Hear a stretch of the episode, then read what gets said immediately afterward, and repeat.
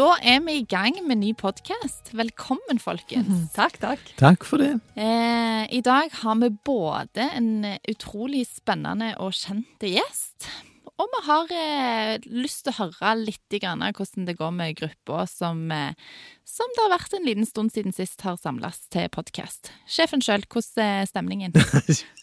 Sjefen sjøl. Nei, altså stemningen er god, føler jeg. Eh, Det går mot sommer. Jeg har fått mitt første stikk. Sånn at Og du eh, lever ennå? Jeg lever ennå, ja. Det gjør Ja. jeg. Det gikk veldig godt. Det var, det var, det var rette sorten vaksine, så jeg tror det, det var bra.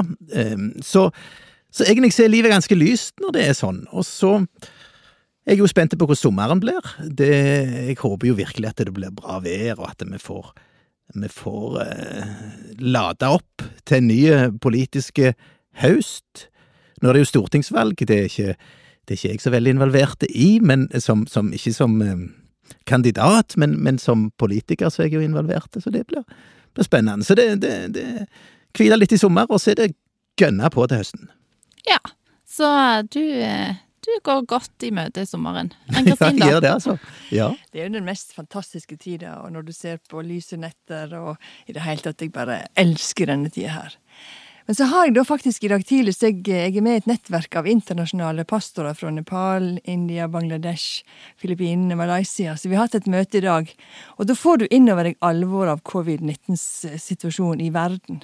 Eh, Og da kjenner jeg bare at eh, det er svolt, og det er økonomiske eh, utfordringer. I Nepal er det stor flom, og mange folk er faktisk isolert oppe i fjellene der. Jeg kjente det tok meg skikkelig i dag tidlig. Her sitter jeg på min grønne grein. Og så lever vi i en verden som er preget av covid.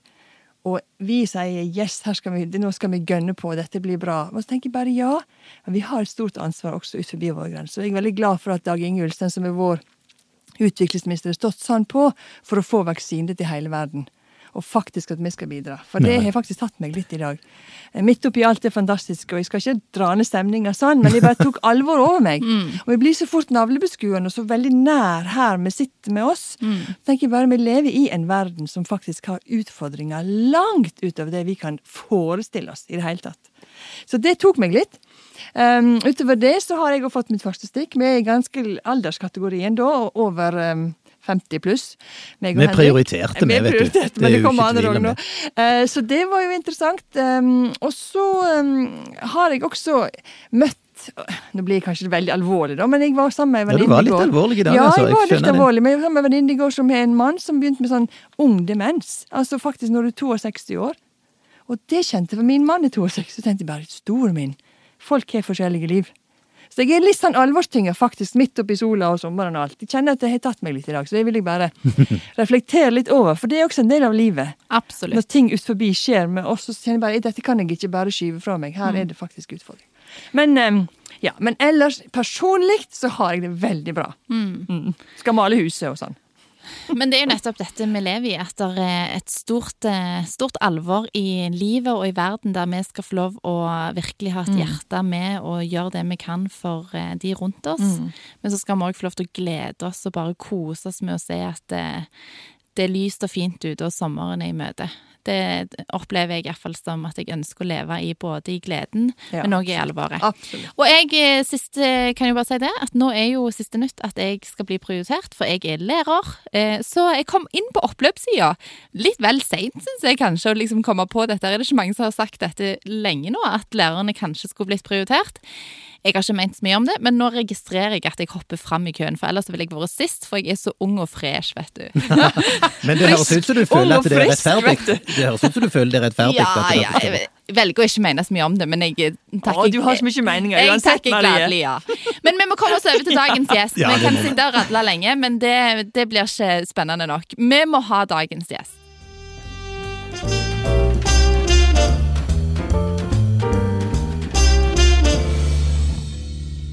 I dag har vi fått storfint besøk. Eirik Faret Sakariassen. Han er min leder, for han er leder for oppvekst og utdanning, som jeg sitter i. Han er 30 år, han har lang fartstid i politikken, tiårsjubileum, ble valgt inn første gang i 2011 som 20-åring, og er nå på sin andre periode som gruppeleder. Yay. Så han sitter både i Velkommen, Velkommen, Takk for det. Tusen takk for det. Var det en bra eh, intro? Jeg syns det må være en av de bedre jeg har fått noen gang, så jeg er stor fornøyd. Ja, jeg har gått i dag morges og terpa på fakta om deg. Ja, det høres veldig bra ut. Ja. Velkommen skal du være. Tusen takk. Meg og Eirik kjenner jo hverandre litt eh, fra way back in the days. For vi gikk på Tasterøst og skole. Mm. Eh, Jeg gikk eh, tre år over han, så han eh, kom opp på ungdomsskolen når jeg gikk ut av ungdomsskolen, men gikk på barneskolen. Jeg overtok vel dine lærere? Ja, overtok mine lærere. Hei, hei til de. Ja. Eh, så Eirik, du er jo en Tasta-gutt. Mm Med mange engasj engasjement. Mm. Eh, men du var annet en som var litt innom i kirka i sin tid, Mm. i Tasta-kirka. Hva som gjør at du ikke er en del av denne politiske grupper. Jeg ikke sitter for KrF. KrF, altså. Ja. Nei, det kan en spørre om, altså. Og jeg har jo attpåtil mye sånn KrF-slekt. Ja, du, ja. Eh, Borghild Røiseland, som satt for eh, Rogaland KrF på Stortinget, hun Er er, mi- slekt? Hun er migranttante. Var migranttante. Hun er jo Her skårer du mange Ja. poeng. Ja, nå vet du. Ja, ja. Check, check, check. Så Borghild har jo hatt mye med å gjøre opp gjennom åra, og, og var veldig glad i hun. Hun er jo ikke blant oss lenger, men, eh, men sånn at um, KrF har liksom ligget slekta mi ganske nært, da. Men, uh, men det ender vel uh, av mange grunner opp med at jeg ikke gikk den veien, da. Var det, Og, spurte ikke vi deg? Eh, nei, det var vel ingen som spurte meg da, for når jeg eh, gjorde partivalg, så var jeg 14 år. Men oh, jeg ja. eh, drev og leste de, særlig de røde partiprogrammene, da. Og kikket på hva de partiene mente. Så falt det vel ned på SV på, litt på grunn av skolepolitikken og, og, og antirasisme, som jeg var veldig opptatt av. Ble du liksom skikkelig engasjert som 14-åring, eller tok det litt tid? Det, jeg begynte å gå på møter uh, i stortingsvalgkampen i 25, nei, 2005. Uh, og så uh, Ja. ja. da var jeg 14 år. Men eh, så gikk det noen måneder før jeg eh, var sikker på om jeg eh, ville melde meg inn. Og eh, det var fordi jeg var redd for at det eh, Ikke for å fornærme noen, men det kunne virke som en sekt. Eh, og jeg var opptatt av at du skulle ha rom for å tenke litt sjøl. At du ikke skal komme inn et sted hvor der mener en at vi har de eneste rette svarene, og alt annet er feil. Og det måtte jeg kjenne litt på at det ikke var stemningen her, at det går an å utfordre litt og sånn. Og det følte jeg at jeg kunne. Har du vært en som har utfordra mye i SV? Ja, det vil jeg tro noen syns, ja. At jeg eh, Nevn en sak der du har kjent at du har brottes litt med partiet. Ja, jeg, eh, for eksempel så var jeg liksom en av de som sto litt i spissen for at en skulle diskutere dette med rituell omskjæring på nasjonalt nivå i landsstyret. Eh, hvor jeg mener at en ikke skal eh, ha lov å, å foreta rituelle omskjæringer. Eh, og det var en ganske heftig debatt. Vi hadde inne flere, både Barneombud og Det mosaiske trossamfunn, som skulle komme og forklare hva de mente i landsstyret. Så det var en debatt som, eh, som der det var sterke følelser og meninger på begge sider.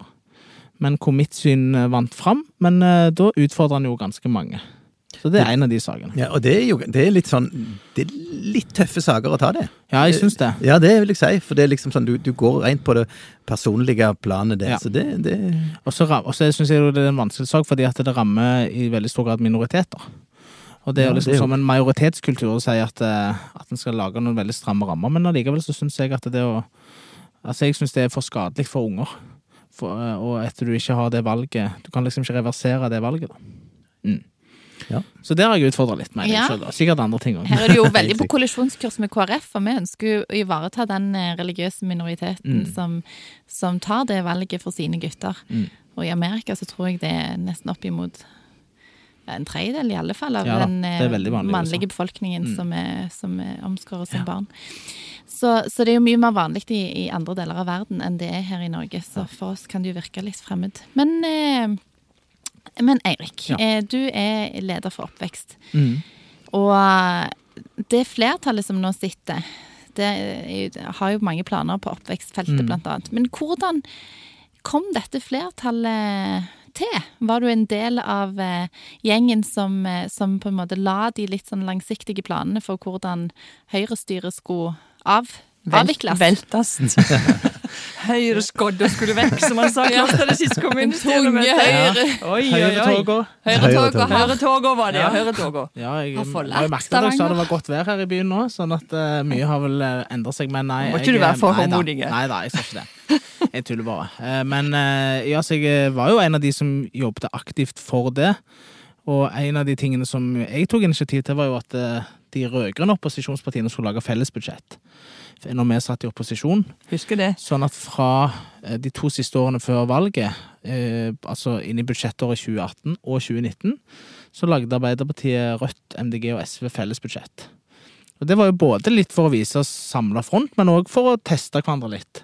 Hvordan greier vi dette, eh, når vi skal ikke bare markere våre egne budsjetter? Jeg har jo, som dere, vært med og lagt mange enkeltvise partibudsjett. Men det er jo noe helt annet når du skal sitte og, og ikke bare få alle primærstandpunkt inn hele veien. Sånn at eh, jeg, var jo aktiv i å få eh, liksom samla gjengen så godt vi kunne. Så hadde vi et godt forhold til FNB. Eh, men eh, jeg var jo òg ute for å snakke med Jeg hadde møte med Henrik og var ute for å snakke med mange partier for å høre hva muligheter som fantes. Sånn at eh, vi var ganske åpne for forskjellige varianter.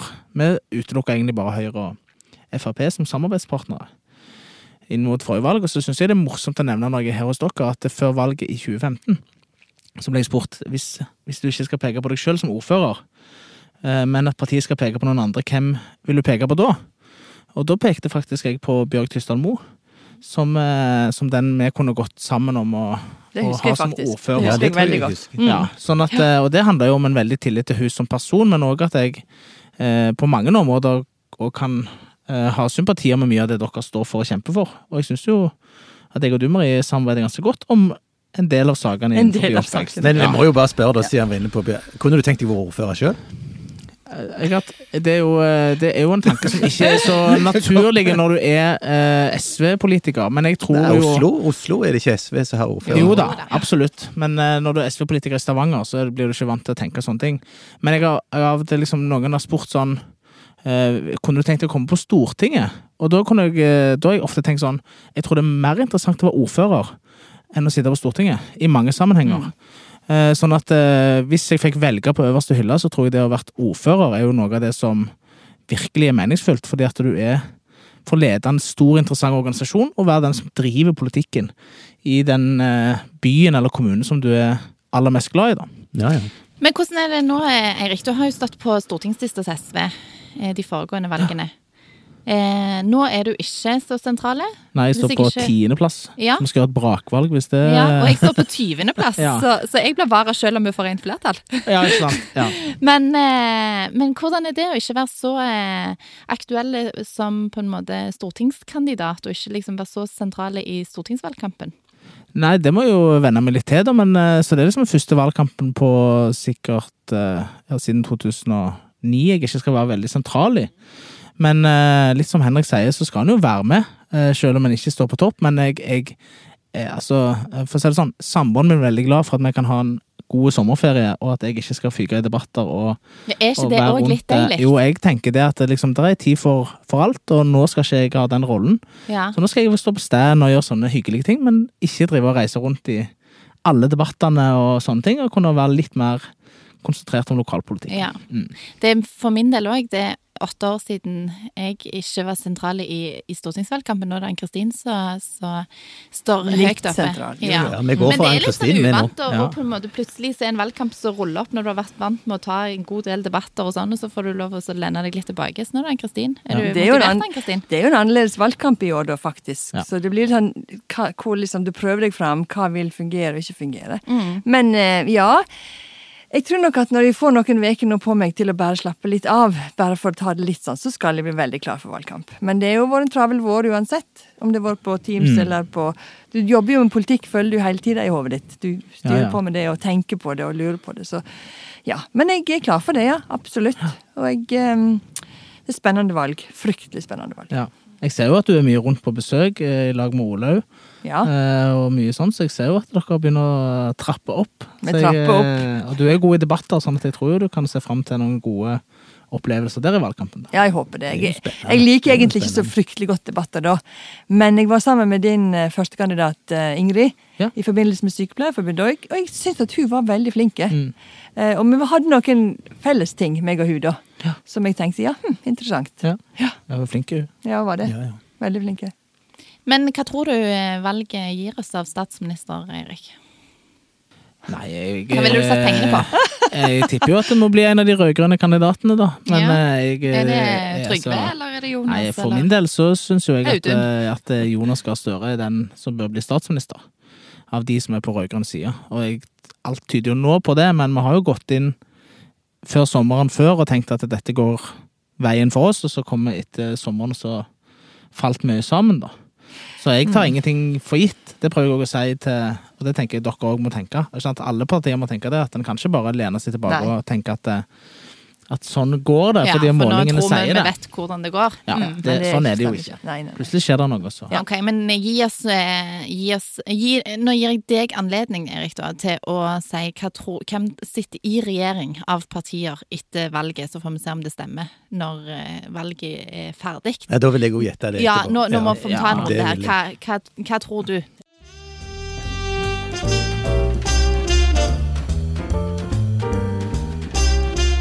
Jeg, hvis det blir et rød-grønt flertall, så tror jo jeg at Arbeiderpartiet og Senterpartiet og SV danner regjering. Og så skal vi prøve dette som er ganske spennende, med at eh, medlemmene skal få lov å stemme over, over Ja, regjeringsplattformen. Og det tror jeg kan bli en veldig interessant prosess, men jeg er jo trygg på at eh, Audun Lysbakken og partiledelsen ikke legger ut et forslag som de ikke tror på sjøl. Som de ikke tror kan få flertall hos medlemmene. Men jeg tror jo at mange vil være så begeistra over at det er et nytt flertall, og at helheten i det vi har blitt enige om, kan være så bra at vi har lyst til å gå inn. Så jeg er jo Henrik. positiv til det. Ja, nei, Det blir spennende å følge med den prosessen som SV skal gjennom. For det at, eh, jeg er nokså sikker på at eh, sånn som det ser ut nå, da, så er jeg nokså sikker på at det blir et regjeringsskifte, selv om jeg ikke kommer til å bidra til det sjøl. Og da tror jeg at det vil bestå av Senterpartiet, Arbeiderpartiet og SV i regjering. Det er jeg nokså sikker på. Men det kommer litt an på SV sjøl. Eh, hvordan de håndterer den saken som skal ut på Er det uravstemning? Ja. eller ja. Eh, Og det kan Altså, vi har jo, vi har jo litt erfaring nå i KrF med, med sånne saker som Mm. engasjerer voldsomt. Minutt for minutt. Og, ja, men Ja. her, her vil det stå om, om regjeringa Ja. eller ikke. Sant, Eirik? Og det er jo Det, det er ofte veldig sånn nasjonale Det får ja. enormt med Altså, vi har faktisk, når vi har diskutert dette i, i sentralstyret og sånn, så har vi faktisk sett litt til KrF og sagt at vi tror at vi kan få vel så mye heftig dekning av våre interne møter som eh, KrF hadde. Altså, da, da, når jeg sto og lagde fredagstaco og fulgte KrF-møter Helvete. Helt Oppi sant. Altså, er helt det. eh, oppslukt i dette her. Så, så kan en jo tenke seg at noe lignende vil òg skape veldig engasjement Ja, for det våre prosesser. Ja. Nei, men du eh, Jeg må jo snakke, jeg også si hva jeg tror, da? Ja, vær så Ja, god. vær så god, liksom! Nei, jeg vet ikke helt sikkert, men jeg har lyst til å si at jeg kan ikke holde en knapp på at Tenk om Trygve ble statsminister, da. Det hadde vært spennende. Og det hadde kanskje ført politikken mer mot sentrum generelt i landet vårt. Det hadde jeg satt pris på. Så det, og hvem som sitter, hvem han sitter sammen med, er faktisk veldig usikker på. Så det vil jeg ikke si så mye om. Kan det hende Kristin, at Trygve blir statsminister sammen i, i regjering sammen med Arbeiderpartiet og KrF?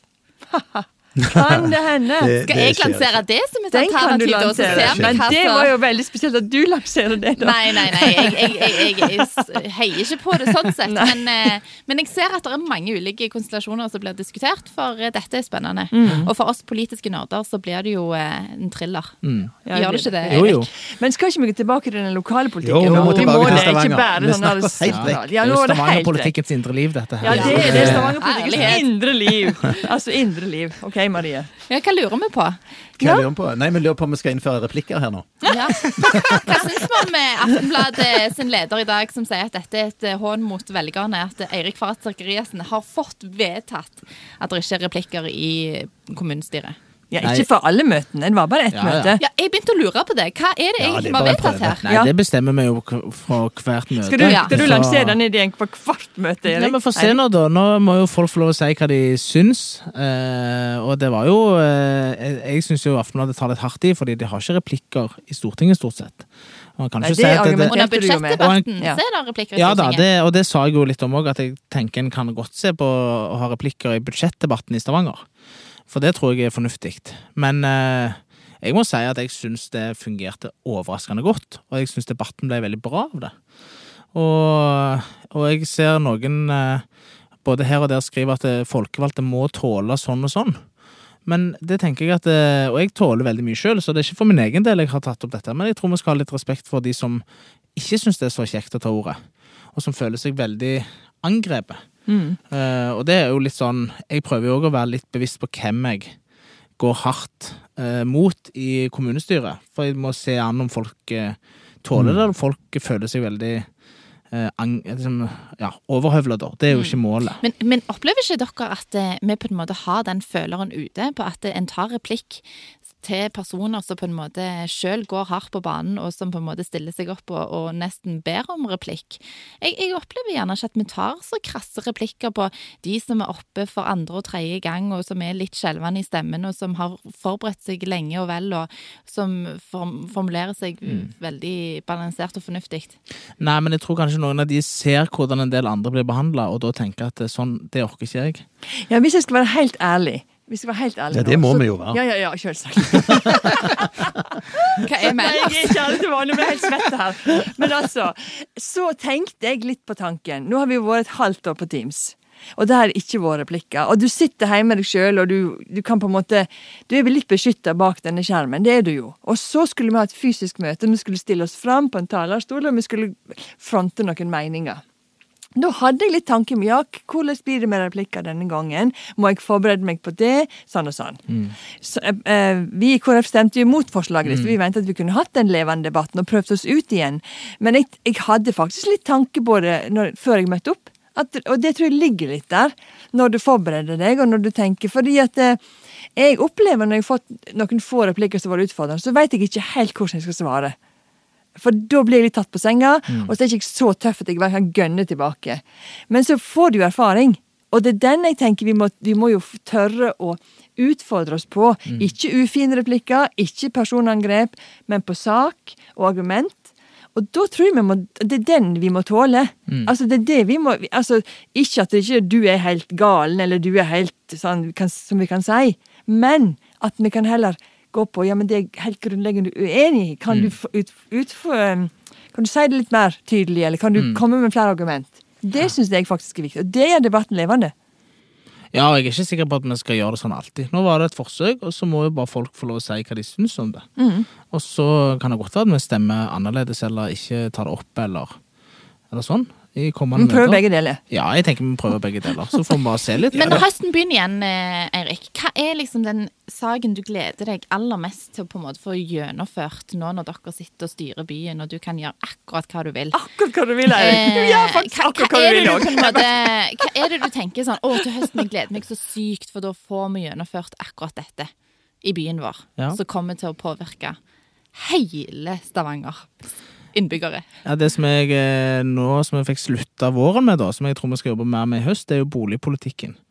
Vi la liksom noen nye linjer for mer sånn leie til eie, at kommunen skal stille som garantist for de som ikke har eh, nok egenkapital, at vi skal jobbe fram prosjekter for at flere skal kunne få tak over hodet uten gjeld opp til taket.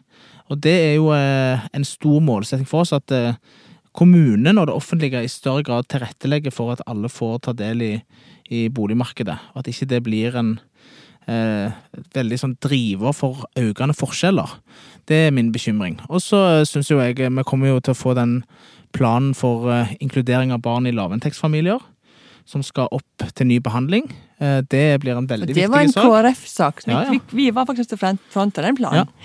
Og nå skal den eh, rulleres, og da skal vi komme med nye tiltak som eh, forhåpentligvis skal sørge for at enda færre unger vokser opp i fattigdom. Og da må ikke du bare komme med gratis SFO, Eirik. Nei da, men det er det jeg mener. at Vi, må, Ja. vi skal ha et bredt, virkemiddel, et bredt virkemiddelapparat mm. for å få til det. Fordi at pandemien har jo forsterka de forskjellene som er veldig mye. Ja. Og jeg er utrolig bekymra for hvor mange flere unger som må Altså, Vi ser jo hvordan Jeg tror det var du som nevnte det i kommunestyret. Mm. Hvor mange flere familier som er over på sosialhjelp. Men det øker med 9,5 Ja. i løpet av det siste året. Ja. Av lavinntektsfamilier som har forsørgeransvar. Ja. Og det er jo noe av det som, eh, som det er all grunn til å være bekymra for, og som lokalpolitikerne òg må ta et ansvar for. Vi kan ikke bare si at fordelingspolitikk er, er, noe som de må drive med i regjeringen på Stortinget. Der må vi faktisk gjøre en god del sjøl. Mm. Så det, er noe av det jeg tenker ja. vi må ta tak i. Og Der vet jeg jo at dere òg har et stort engasjement. Absolutt. Men det er vel der jeg kanskje, eller KrF, har tenkt mer målretta tiltak i forhold til det med familiekoordinator. Går inn i familie mm. over mange år og virkelig jobber med hele strukturen og hele på en måte, Hvordan skal vi rigge oss for å slippe å være i være sosiale mottaker mm. fortsatt? Så det ja. er, det er der tenker jeg nok at universelle ordninger er ikke alltid det som jeg tenker kan fungere best. Det er iallfall min intensjon. Mm. Men eh, på oppvekstfeltet, mm. hva er O store sak som, som, eh, som, du tenker at vi skal få banket gjennom i Eller dere skal banke gjennom i, i løpet av høsten? Blir det leksefri skole og skolemat alle, eller? Leksefri skole er vi jo helt enige Ja, der er vi jo enige. Så. Ja, vi, må, men, vi må presisere det, for der er jeg litt sånn. Men eh, jeg er, jeg er enig med dere, men jeg er litt mer på vaklende grunn. Vi må ha lesing fortsatt. Ja, ja, ja. Ja. Altså, ja. jeg er jo veldig for liksom. Jeg er òg veldig for uh, at vi ikke skal ha skolelekser, og uh, at vi skal greie å få til noe mer der. Og det har vi jo egentlig vist at vi har ambisjoner om, og så har pandemien gjort det litt vanskelig å faktisk uh, få til. Så vi har foreløpig sagt at vi skal ha en sånn inspirasjonsdag for skoler, for vi har jo skoler som er leksefrie, eller leksereduserte i dag. Men jeg tenker jo litt sånn at det er vanskelig å si at at skolene eh, At vi skal overstyre alle skolene. Eh, det syns jeg er krevende å si. Og det vet jeg at det blir eh, Med en gang vi kommer med sånne ting, ja. så får jeg veldig mange på nakken. det gjør det. det er derfor jeg må utfordre deg litt, Eirik. For du er jo en type som egentlig, sånn, sånn som jeg oppfatter deg iallfall, har lyst til å liksom get things done, på en ja, ja. måte. Eh, og så da synes jeg på en måte, Når dere lanserte dette med leksefri skole, og så ble det til at på sikt skal vi ha en inspirasjonsdag, ja. det syns jeg var litt lite mm. håndfast og litt lite resultatmessig.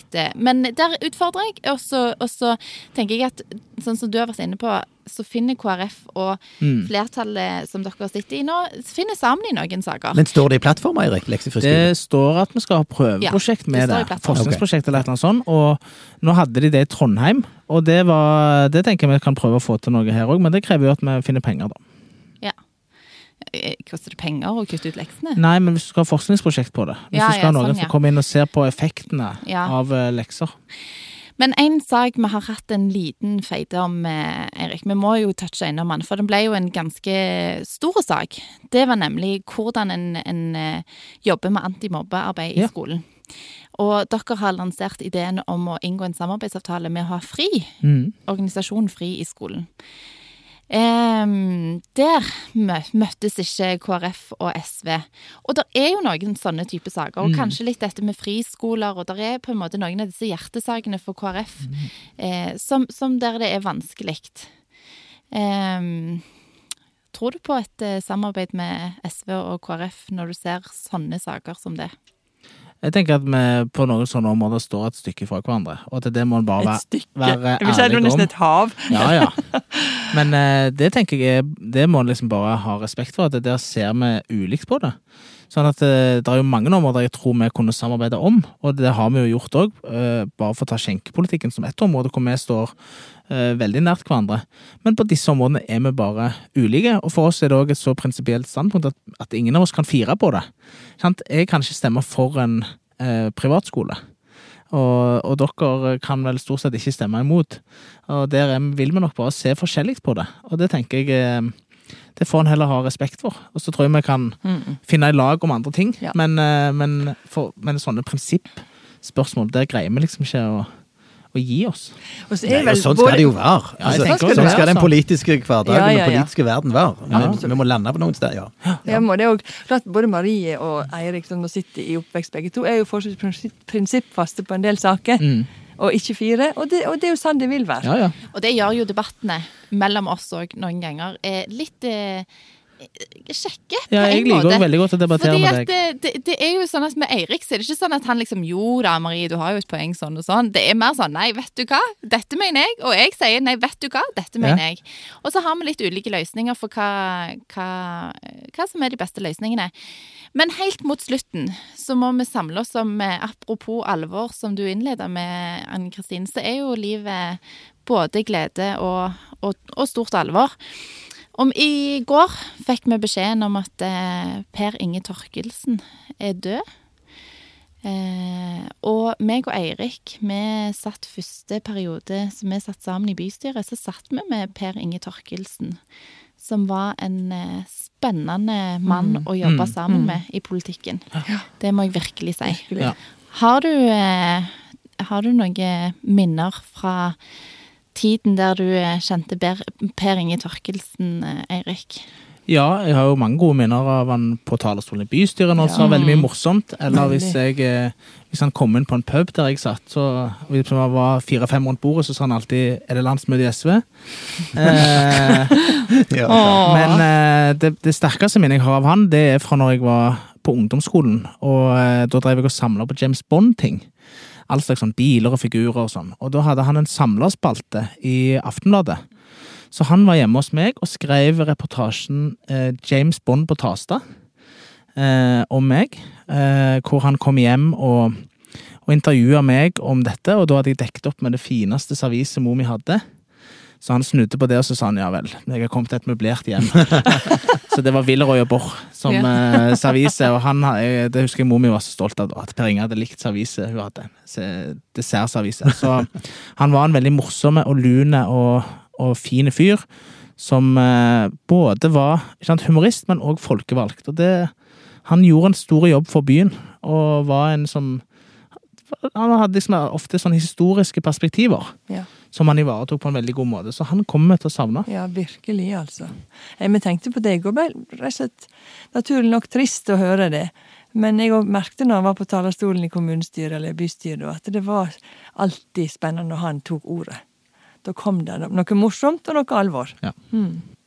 Og det var jo nettopp den fantastiske fine blandingen av eh, alvor innpakt i en morsom forpakning, der han fikk satt ting virkelig på spissen, som gjorde at eh, vi ofte stemte for de forslagene han lanserte. Mm. Det ble vanskelig å stemme imot. Det gjorde det. Eh, så fred over hans minne, Mm. det kan vi vel si. Ja. Så da, med det, så eh, avslutter vi og sier tusen takk for denne gang. Utrolig kjekt å ha deg på besøk, Eirik. Eh, vi ser fram imot de sakene der vi kan samarbeide, og så ser vi fram mot gode, prinsippfaste diskusjoner der vi òg er helt uenige. Ja. Og med det så tror jeg vi bare sier tusen takk for oss. God sommer til Erik. God sommer til God Erik, sommer til god sommer til alle dere som lytterne. sitter ut forbi her og lytter. Og så hvis dere har innspill, så kom gjerne med de. Ja. Ha det godt. Ha det. Ha det bra. Ha det.